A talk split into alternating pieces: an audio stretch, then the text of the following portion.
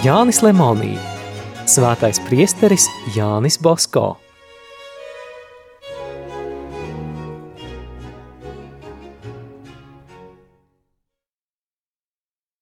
Otrās daļas desmitā nodaļa. Vēl viena patversmes ēka, priesteris Bosko darbojas ar jaunu enerģiju. 1856. gads.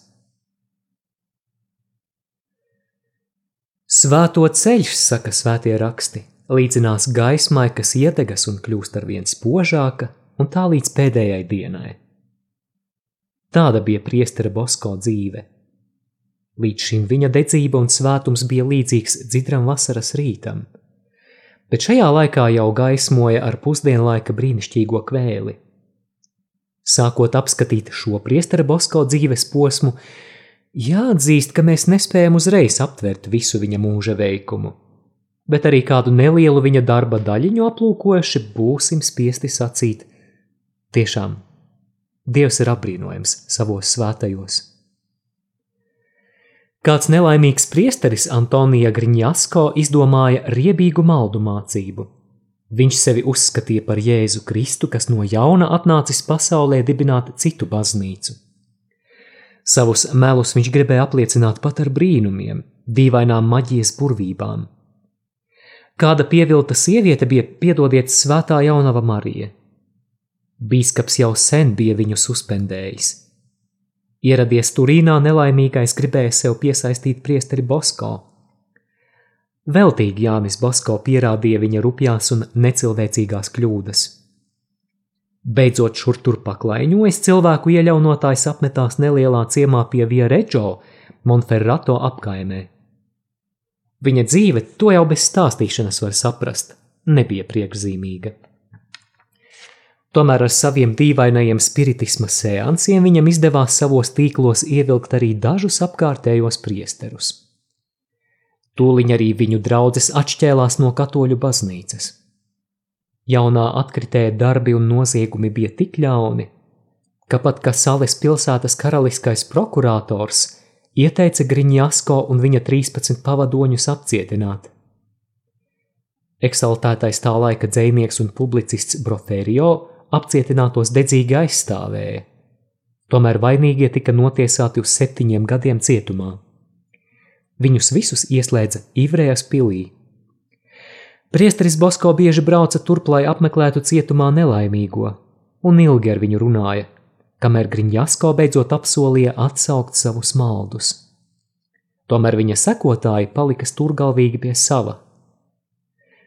Kasāles un Astī bīskapi devās uz Viereģo sacīt mācības un veikt misijas, bet panākumu bija ļoti maz – var saprast, cik liela bija maldīgo stūrgalvība, ja Astī bīskaps, nodzīvojis Viereģo draudzē vairāk nekā 50 dienas, neviena nespēja atgriezt. Tad jaunais tikko ieceltais prāvests Melino aicināja atbraukt priesteri Bosko. Jānis Bosko kopā ar kanoniķi Barsarelu 1856. gada janvārī devās uz Viereģo un paveica tik daudz, ka to pat neviens nebija sapņojis – Priesteris Bosko neapmierinājās tikai ar ticīgu atgriešanu, bet visiem spēkiem strādāja, lai pats Griņjasko savas kļūdas atsauktu un samierinātos ar baznīcu. Savu sodu izcietis Griņjasko aizbrauca uz Turīnu apciemot priesteri Bosko. Tas viņu mīļi apskāva un lūdza viņu vairs neatgriezties Viereģo. Viņš gan paklausīja, tomēr jāšaubās, vai savu solījumu pildīja. Tā gan ir taisnība, nekad viņš vairs nemeklēja sekotājus, dzīvoja nomaļus, bet priestera drēbes vairs nenēsāja. Viņš nomira 1883. gadā bez sakramentiem –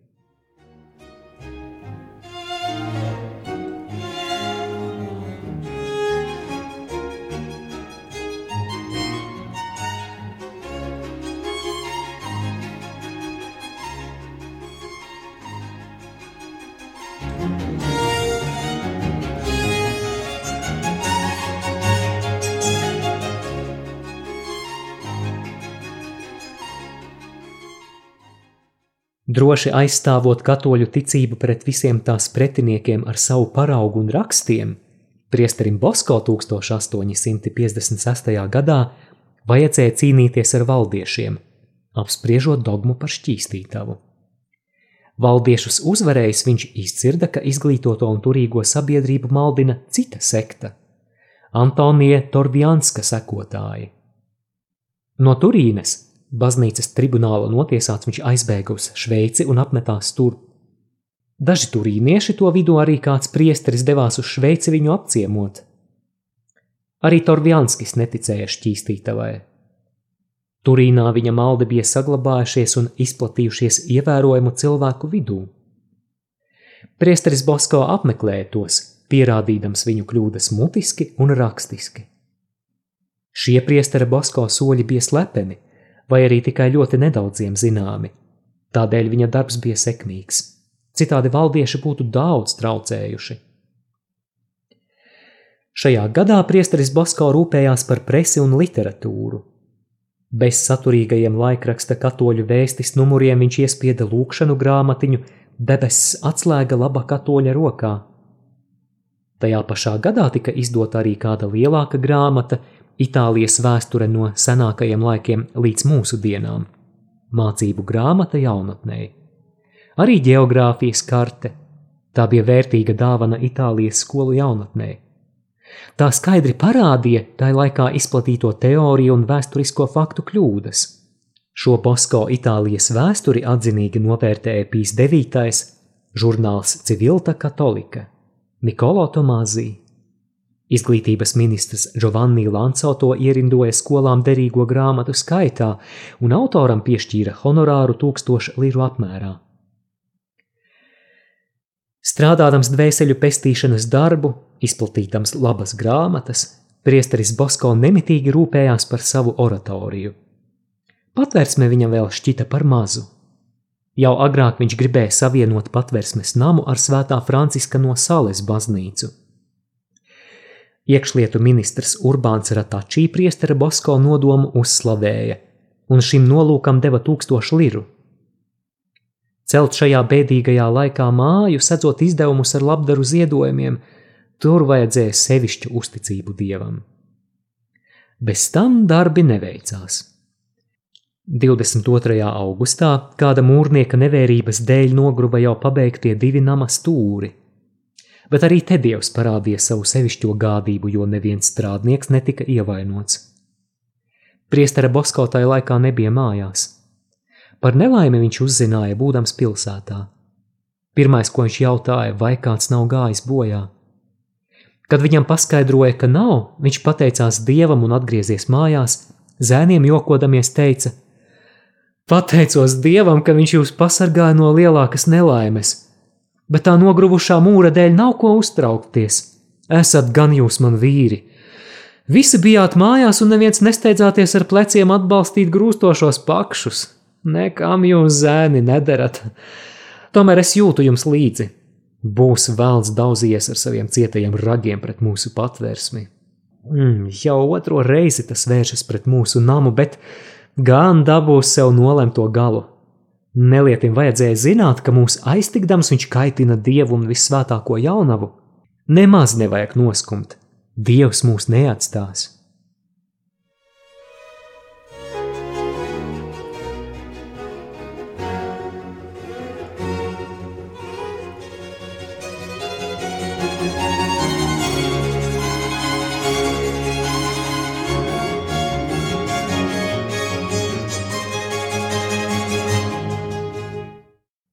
Tiešām Dievs pieklauvēja pie dažām dāsnām sirdīm.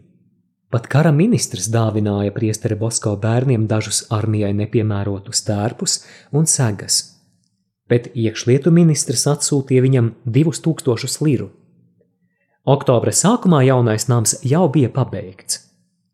Priesteris Bosko darba vadītājam parādīja, kā sadalīt telpas, un virs durvīm lika uzrakstīt lieliem burtiem teicienu no svētajiem rakstiem – Viņš domāja tā: Pa šīm durvīm staigās bērni un viesi mani gaidīdami. Kā vieni tā otri ieraudzījuši lielu uzrakstu, gaidot sāks to lasīt, un te lūk viņu galvās radīsies kāda svēta doma, kas dažreiz atstāja dziļu iespaidu.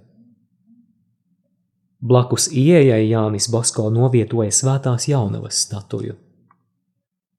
Pēc vakara lūkšanas sacīdams labas nakts uzrunu, Jānis Bosko skaidroja telpās izvietotos svēto rakstu fragmentus. Arī pa oratoriju pavadīdams viesus viņš bieži paskatījās uz šiem uzrakstiem un sacīja: Te lūk, jūs redzat manu audzināšanas kodeksu. Šie uzraksti māca laimīgas dzīves un labas nāves mākslu. Dvēseļu pestīšana. Tā bija doma, kuru Jānis Bosko centās iedzīvināt katrā savā audzēknī. Viņa pūles bija auglīgas. Tomēr viens otrs zēns dažreiz šo domu it kā piemirsa. Oratorijā tāda rīcība bija dīvaina, gandrīz neizskaidrojama. Priesteris Bosko viņiem nekā neteica, bet bērni paši sāka rīkoties.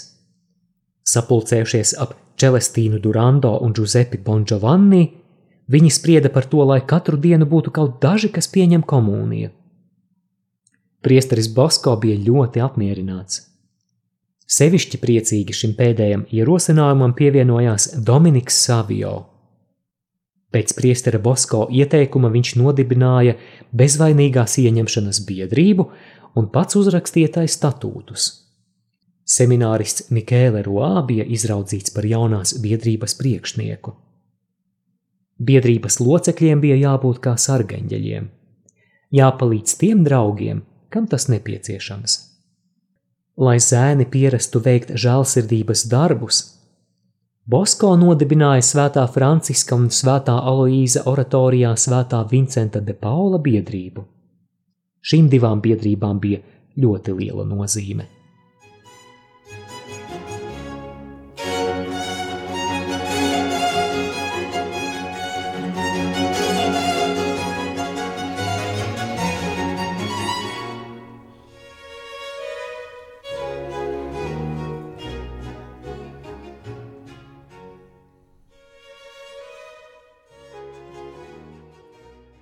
Jaunajā namā priesteris Bosko gribēja atvērt trīs pirmās gimnāzijas klases. Daži vietējie iedzīvotāji bija lūguši Jāni Bosko atvērt arī pamatskolu viņu bērniem. Priesteris Bosko negribēja viņu lūgumu noraidīt un pamatskolai atdeva divas lielas istabas jaunajā celtnē. Šī bija pirmā vispārējā pamatskola Valdoko priekšpilsētā. Jāņa Bosko darbi kaitināja dvēseļu ienaidnieku. Priestera Bosko dzīvība, kas jau tik daudzas reizes bija brīnišķīgi pasargāta no ļaundariem, arī tai gadā saņēma sevišķu un neparastu dieva aizsardzību. 25. jūlijā Jānim Bosko stāvot svētā Ignācija baznīcas priekšā, turpat pie viņa kājām iespēra zibens. Tas izsita lielu ropu grīdas dēļos, bet Jānim Bosko nebija kaitējis. Visi, kas redzēja, kā zibens iespēra un dzirdēja, cik baigi nogranda pērkons, brīnījās un sacīja, ka bez sevišķas dieva apredzības priesteris Bosko nebūtu palicis dzīvs. Kaut arī zibens viņu nebija skāris, tomēr pēc dažām dienām Jānis Bosko jūta stipras galvas sāpes. No šīs reizes priesterim Bosko sānos iemetās arī apnicīgas dūrējas sāpes, kas viņu mocīja vairākus mēnešus. Neatļāvis nāvei atraut bāreņiem tēvu, Dievs tomēr gribēja pie sevis aicināt labo priestera Bosko māti. Margarita saslima ar plaušu karsoni. Oratorija dažas dienas svārstījās starp cerībām un skumjām. Priesteris Bosko ataicināja brāli Jāzepu, mātes māsu Mariju Ruā kundzi. Likās, ka slimība kļūst arvien smagāka. Zēni raudāja visi kā viens, kad uzzināja, ka viņu mātei nes slimnieku sakramentu. Slimniece bija mierīga, varēja brīvi runāt un apmeklētājus bāreņus mudināja vienmēr dzīvot kristīgi un likumiski. Dēlu Jāni viņa aicināja rūpēties par to, lai nevājinātos iestādes labais gars.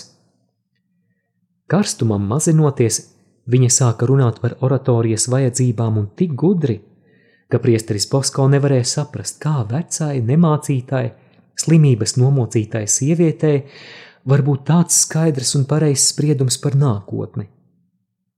Jāņa Bosko māte sacīja dēlam, ka daži semināristi būs viņam labi palīgi. Savukārt citiem viņa ieteica pārāk daudz neusticēties. Visbeidzot, viņa lūdza visus lūgties par sevi un sacīja, ka esot pilnīgi atdevusies Dieva bezgalīgajai žēlsirdībai. Ja Dievs viņu pieņem šo debesīs, viņa nepārtraukti lūkšoties par oratoriju. To pateikusi, viņa iesnaudās un sāka murgot. Pēc brīža paskatījusies uz dēlu Jāni, viņa pateica vārdus, kuru jēgu šķiet pati neapzinājās. Tagad tu dari to, ko pats nezini un nedomā. Uzzināsi un sapratīsi, kad gūsi gaismu no zvaigznes. Pēc tam samaņu atguvusi viņa uzrunāja dēlu Jāzepu, lūdza viņu labi audzināt bērnus un aicināja, cik vien vari, vienmēr palīdzi oratorijai. Svētā jaunava svētīs tevi un tavu ģimeni. Dēls Jānis viņai paziņoja, ka tūliņ atnāks priesteris ar slimnieku sakramentu. Vecīte nopriecājās un sacīja: Vai atceries, kādreiz es tev palīdzēju pieņemt sakramentus? Tagad palīdzi tu man. Šos pašus vārdus mirstot atkārtoja arī priesteris Basko saviem dēliem. Pienāca pēdējais vakars. Abi brāļi ilgi sēdēja pie mātes gultas. Abu acīs bija sāpes, kaut gan neviens neraudāja. Slimniece skaidri redzēja abu sāpes un skubināja viņus kaut pārmaiņus iet atpūsties. Ej, Jānīte, ej atpūties, viņa sacīja dēlam priesterim. Man vēl vairāk sāp, ka tevi redzu tik noskumušu. Tu par daudz cieti ar Dievu Jānīt. Atceries, ka dzīvot virs zemes nozīmē ciest.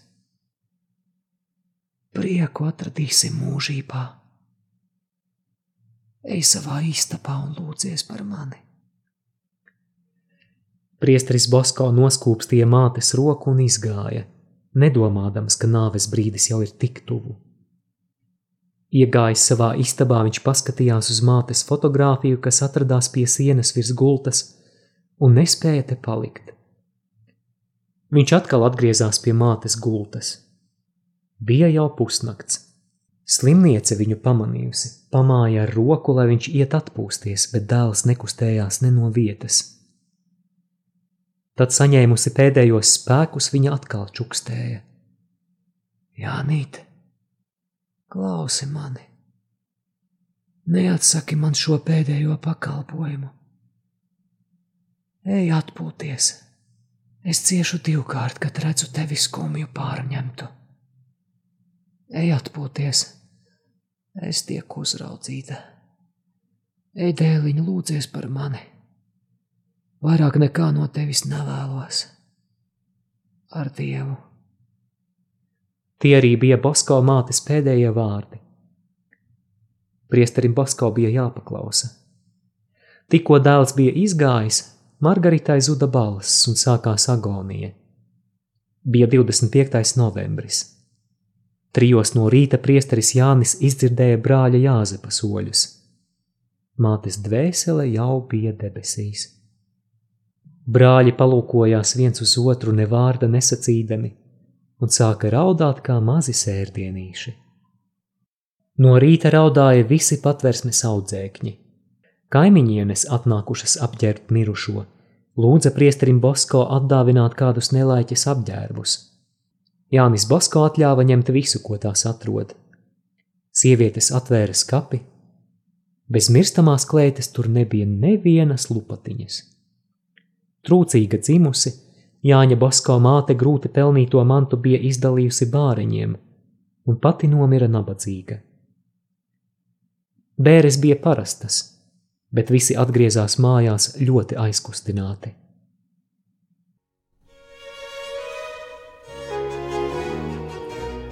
Izskanēja lasījums no Jāņa Lemonija grāmatas Svētais priesteris Jānis Basko.